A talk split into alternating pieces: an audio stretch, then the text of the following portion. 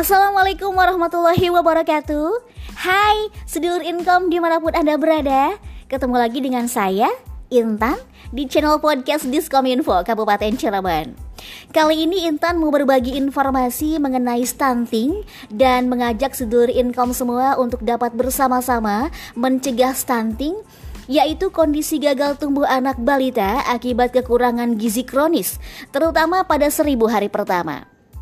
Perlu diketahui ya sobat income bahwa anak stunting itu cenderung lebih kerdil dibandingkan anak normal seusianya dan memiliki keterlambatan dalam berpikir umumnya disebabkan asupan makanan yang tidak sesuai dengan kebutuhan gizi. Lantas hal apa saja yang dapat menyebabkan terjadinya stunting? Itu adalah disebabkan karena kekurangan gizi dalam waktu lama itu terjadi sejak janin dalam kandungan sampai awal kehidupan atau seribu hari pertama kelahiran. Penyebabnya karena rendahnya akses terhadap makanan bergizi, rendahnya asupan vitamin dan mineral, dan buruknya keragaman pangan dan sumber protein hewani. Lantas bagaimanakah anak itu bisa dikatakan stunting? Seorang anak dikatakan mengalami stunting apabila tinggi badan dan panjang tubuhnya minus 2 dari standar Multicenter Growth Reference Study atau standar deviasi median standar pertumbuhan anak dari WHO. Bagaimana cara mengatasi stunting? Yaitu dengan pertama, memenuhi kebutuhan gizi sejak hamil, kedua, beri ASI eksklusif sampai bayi berusia 6 bulan, Tiga, dampingi ASI eksklusif dengan empasi sehat. Empat, terus memantau tumbuh kembang anak. Dan kelima, selalu jaga kebersihan lingkungan. Nah Sobat Income, sebenarnya apa beda stunting dan gizi buruk?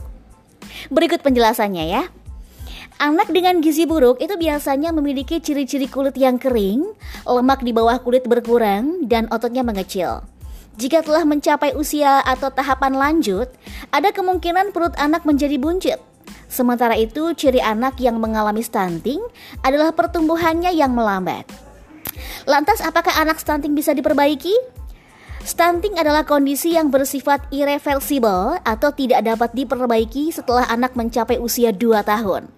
Jika terdeteksi penurunan berat badan atau weight faltering, itu anak harus segera ditangani secara medis agar dokter dapat mencari penyebab kondisi tersebut dan solusinya. Jadi, mulai hari ini ya, untuk para ibu agar memperhatikan hal-hal sebagai berikut. Yang pertama, ibu hamil itu makan lebih banyak dari biasanya. Usahakan untuk banyak makan buah dan sayur, serta lengkapi dengan lauk pauk. Kemudian kedua sobat income, selama kehamilan dan dilanjutkan sampai dengan masa nifas dapat mencegah anemia dan menjaga sistem ketahanan tubuh. Kemudian yang ketiga, melakukan IMD atau inisiasi menyusui dini sehingga bayi mendapatkan ASI kolostrum yang kaya akan daya tahan tubuh dan ketahanan terhadap infeksi.